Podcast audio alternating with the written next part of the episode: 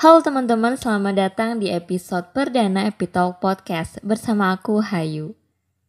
Nah, karena ini adalah episode pertama, jadi aku bakal memperkenalkan diri. E, nama aku Hayu Hanafi Rafiah. Kalian bisa panggil aku Hayu atau Hana. jadi Hana itu kayak nama impian aku ya.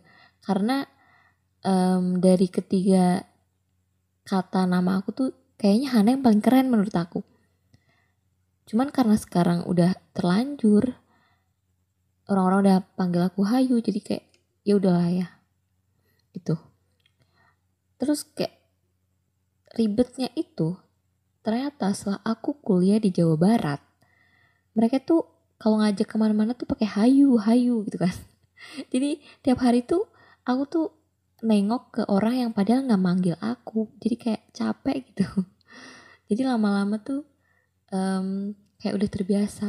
Kalau orang manggil sekali dua kali aku nggak akan nengok. Kecuali dia manggil uh, beberapa kali. Karena itu pasti bukan aku yang dipanggil. Itu ya pengalaman lucu culture shock akibat nama. Oke lanjut ya. Karena aku udah memperkenalkan diri sekarang aku akan memperkenalkan podcast ini. Kenapa namanya Epitalk? Nah jadi Epitalk itu singkatan dari Epiphany Talk. Epiphany sendiri itu artinya adalah um, pencerahan. Atau bisa juga dikatakan sebagai sebuah momen di mana tiba-tiba seseorang menyadari tentang sesuatu yang berharga untuk dia gitu. Jadi sebenarnya ini salah satu harapan aku ya buat um, pendengar aku supaya bisa reflected gitu loh tentang informasi apa yang aku berikan mereka bisa kayak self observe gitu. Sebenarnya ada nggak sih yang relatable gitu sama sama diri uh, pendengar aku sama teman-teman gitu? Kalau misalnya emang ada yang relatable dan dan ada informasi dari aku untuk memperbaikinya atau um, apa ya kayak jadi lebih baik itu ya semoga bisa membantu ya. Itu harapan aku. Terus oh ya kalau teman-teman lihat di thumbnail aku itu kan ada logo logo apa itu segi segi 6 segi 5 itu sebenarnya adalah um, apa ya icon dari serotonin. Serotonin itu um, adalah senyawa atau hormon yang bisa menyebabkan atau mengakibatkan kebahagiaan. Jadi aku berharap um, dengan mendengarkan podcast ini bisa menambah kebahagiaan ya. Ya meskipun gak ada lawak-lawaknya gak ada lucu-lucunya ini kayak informasi flat-flat aja ya. Cuman kayak ya semoga aja lah ya semoga namanya harapan. Oke lanjut. Um, ke epiphany lagi ya. Jadi sebenarnya aku nemuin kata epiphany itu um, setelah aku dengerin lagu dari salah satu boy band Korea yaitu Bangtan Senyendan.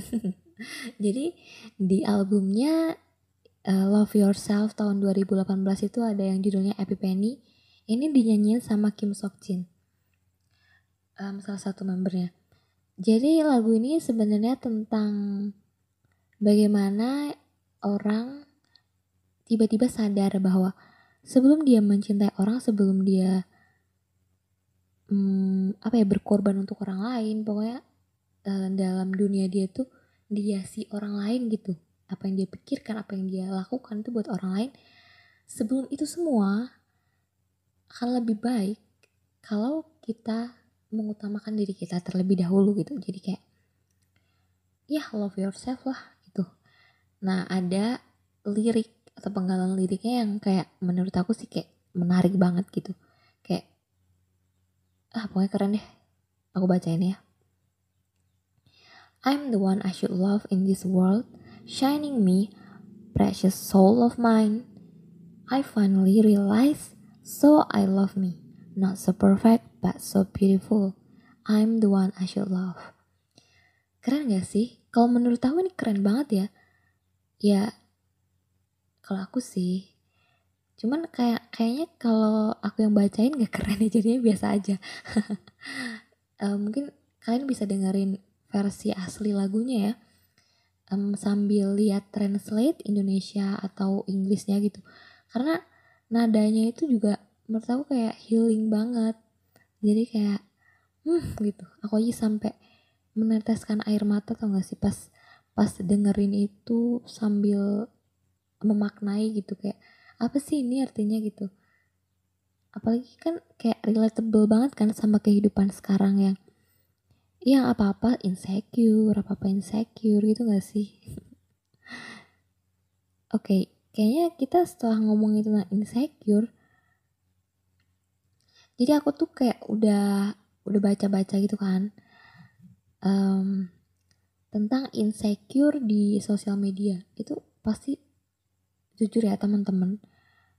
Setiap hari pasti sering banget kan scroll sosial media buat sekadar lihat trending YouTube, lihat kehidupan selebgram yang kayak tanpa beban di IG yang li yang kita ngeliat liburannya ke mana-mana terus nonton FYP TikTok buat ngisi kegabutan yang padahal kita juga ada deadline banyak tapi tetap aja ya. Kadang tuh emang sosial media tuh kayak gitu um, pengennya kita buat hiburan beberapa menit tapi akhirnya kita lanjut berjam-jam. Emang dunia terasa berputar lebih cepat kalau misalnya kita lagi scroll sosmed ya teman-teman. Dan apalagi sambil rebahan. Udahlah itu paling wah itu paling menyita waktu tanpa kita sadari. Nah sebelum ngomongin lebih jauh nih di sini aku mau disclaimer dulu kalau um, aku bukan ahli atau profesional di bidang ini. Jadi kayak mohon maaf kalau misalkan ada informasi yang salah atau berbeda dari sebenarnya kayak gitu karena di sini aku cuman mengumpulkan informasi dan kemudian menyampaikan ke teman-teman. Ditambah dengan sedikit opini aku yang sebenarnya nggak terlalu penting ya teman-teman. Oke, langsung aja aku mulai. Um, jadi ada survei dari Hotsuite um, atau Indonesian Digital Report Hotsuite. Jadi mereka bilang ada 160 juta pengguna aktif sosial media di Indonesia. Um, cukup banyak ya jumlahnya. Um, tapi emang sih di era digital sekarang tuh kayak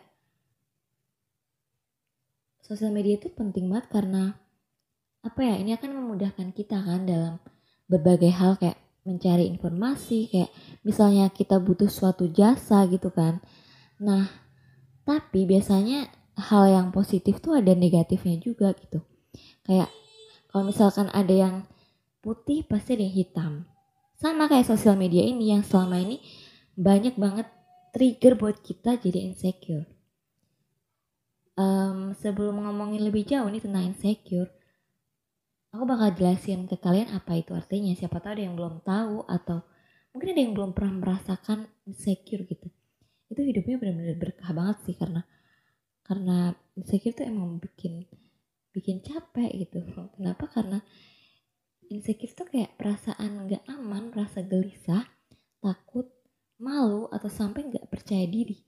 Dan triggernya tuh bisa dari dalam diri sendiri atau dari luar gitu. Nah, jadi dalam penelitian yang berjudul A Tool to Help or Harm Online Social Media Use and Adult Mental Health in Indonesia yang secara khusus menyoroti gangguan kesehatan mental akibat penggunaan media sosial di Indonesia. Jadi peneliti ini tuh meriset um, penggunaan sosial media di Indonesia kayak gitu. Um, gimana sih kalau misalnya orang tuh menggunakan sosial media secara berlebihan? Dan dalam penelitian ini dia mengatakan perasaan iri tuh sering kali muncul karena pengguna sering membanding-bandingkan kehidupannya dengan orang lain di media sosial. Jadi kalau menurut aku sendiri tuh kayak iri tuh bisa jadi follow up dari rasa insecure kita yang sebelumnya gitu loh. Kayak jujur aja pasti kalian ada sedikit perasaan iri kan pas lihat teman kalian storyin hal yang yang baru yang dia punya gitu kan.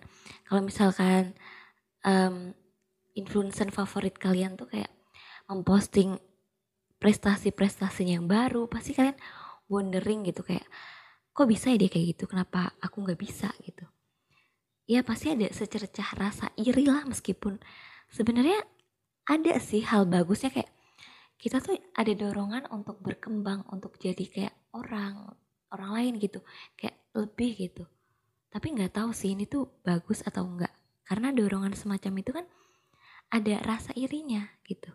Tapi banyak kok orang lain yang menggunakan ini sebagai salah satu hal yang jadi motivasi gitu.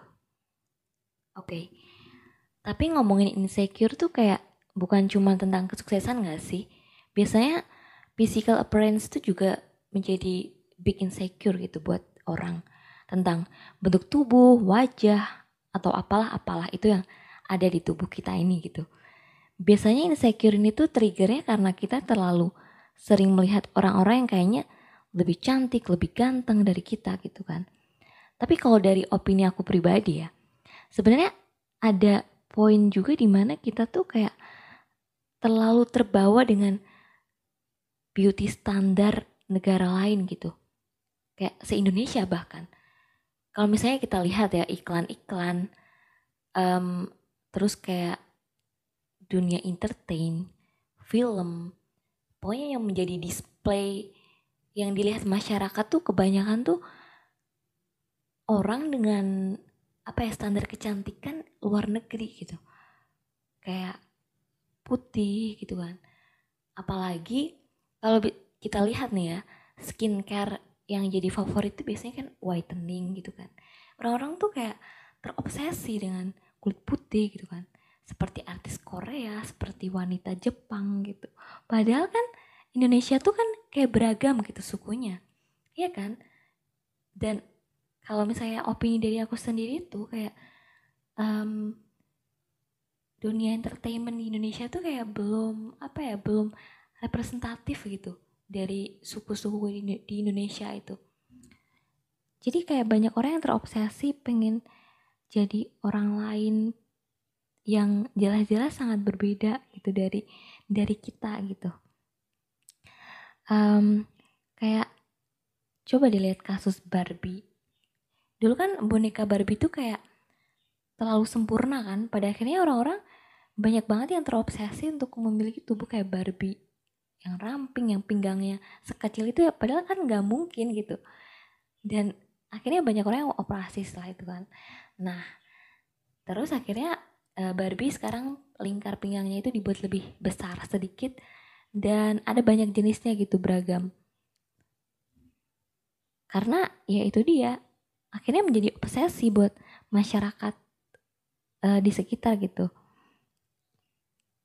Mungkin sama kayak gimana lingkungan kita tuh terbentuk gitu. Selama ini lingkungan kita tuh um, biasa melihat beauty standar yang seperti itu. Makanya banyak sekali yang akhirnya terobsesi untuk mencari uh, skincare yang whitening bukan yang untuk healthy skin gitu tapi malah whitening gitu. Jadi mungkin sebenarnya kita bisa merubah itu dari sistem itu gitu. Tapi emang susah sih itu kan kayak the whole system di Indonesia gitu tentang kecantikan. Itu perlu dirubah bersama-sama sebenarnya. Cuman ya udahlah ya itu opini aku doang sih. Nah dari tadi kan kita udah ngomongin tentang insecure nih. Sekarang aku bakal bahas tentang how to deal with insecurities. Jadi ada artikel yang udah ditinjau dari dokter Mevana Reza um, yang pertama tuh kita berusaha untuk tetap berpikir positif. Ini tuh biasanya tuh kayak kita tuh terlalu sering menyalahkan diri sendiri. Kalau misalkan keadaan tuh nggak sesuai sama harapan kita atau ada kesalahan biasanya kita langsung kayak aduh kayaknya gue selalu salah ya. Selalu gak bener ya kalau um, bikin sesuatu gitu. Kayak kita tuh jadi orang yang merasa selalu bad luck atau pokoknya kita selalu rendah diri dan selalu merasa bersalah akan sesuatu hal. Jangan ya, jangan kayak gitu. Kayak kita tuh harus selalu positif gitu. Jadi misalnya ada dua hal. Gimana ya ngomongnya? Pokoknya dalam suatu kejadian tuh selalu ada dua hal. Positif dan negatif. Dan kita harus selalu berusaha untuk uh, melihat dari sisi positifnya kayak gitu. Yang kedua, jangan membandingkan diri dengan orang lain. Nah ini tuh kayak masalah yang jadi main main problem sebenarnya ya. Karena biasanya sosmed apalagi kita tuh kayak selalu membandingkan diri sama orang lain. Kayak kenapa ya orang lain tuh kok bisa? Kok aku nggak bisa ya? Kayak aku aja sering banget nge-tweet di Twitter. Aku kayak kenapa ya aku nggak berbakat? Kenapa ya Tuhan menciptakan aku seperti ini? Kenapa nggak kayak orang lain? Gitu. Kenapa sih? Gitu. Jangan kayak gini ya kayak kita harus enjoy ourselves gitu. Nah yang selanjutnya hindari orang-orang yang membuatmu insecure. Nah itu nggak tahu ini aku bener atau salah ya. Biasanya aku tuh kayak um, menghindari Instagram. Kenapa? Karena Instagram tuh kayak tempat di mana orang tuh menunjukkan kesempurnaan hidupnya. Jadi karena aku nggak mau melihat itu kayak belum siap gitu melihat itu semua kayak karena akan membuat uh, rendah diri kan? Perasaan rendah diri kita tuh semakin semakin besar karena karena ya itu dia kita melihat orang-orang begitu wah gitu kan. Jadi kayak ya udahlah karena aku merasa belum siap untuk menghadapi itu. Jadi kayak aku mengurangi uh, sosial media kayak Instagram dulu lah. Oke, yang selanjutnya lakukan hal yang membuatmu bahagia. Jadi kita harus fokus ke diri sendiri ya, kayak um, hobi, misalkan kita suka menggambar, kita suka um, apa ya olahraga gitu. Hal-hal kayak gitu ini tuh bakal mengurangi kita dari perasaan um, membandingkan diri atau perasaan ya kayak gitu kayak gitulah. Jadi kita fokus ke diri kita gitu kita fokus apa yang menjadi kelebihan kita kayak gitu um, kayaknya sih itu aja sih yang bisa aku sampaikan pada hari ini ya teman-teman. Mohon maaf kalau ada yang salah dari aku. Um, jadi mungkin kata-kata penutup dari aku tuh kayak don't define yourself at how people look at you gitu. Jadi kayak kita tuh harus um, punya value atas diri kita sendiri. Jangan sampai apa persepsi kita tentang diri kita itu berasal dari bagaimana orang lain mempersepsikan diri kita. Karena yang paling tahu tentang diri kita adalah diri kita sendiri, kayak gitu. Jadi jangan sampai kamu um, apa ya terlalu terpengaruh dengan orang lain gitu. Itu aja sih dari aku. Um, udah sih. Bye-bye teman-teman. Terima kasih sudah mendengarkan.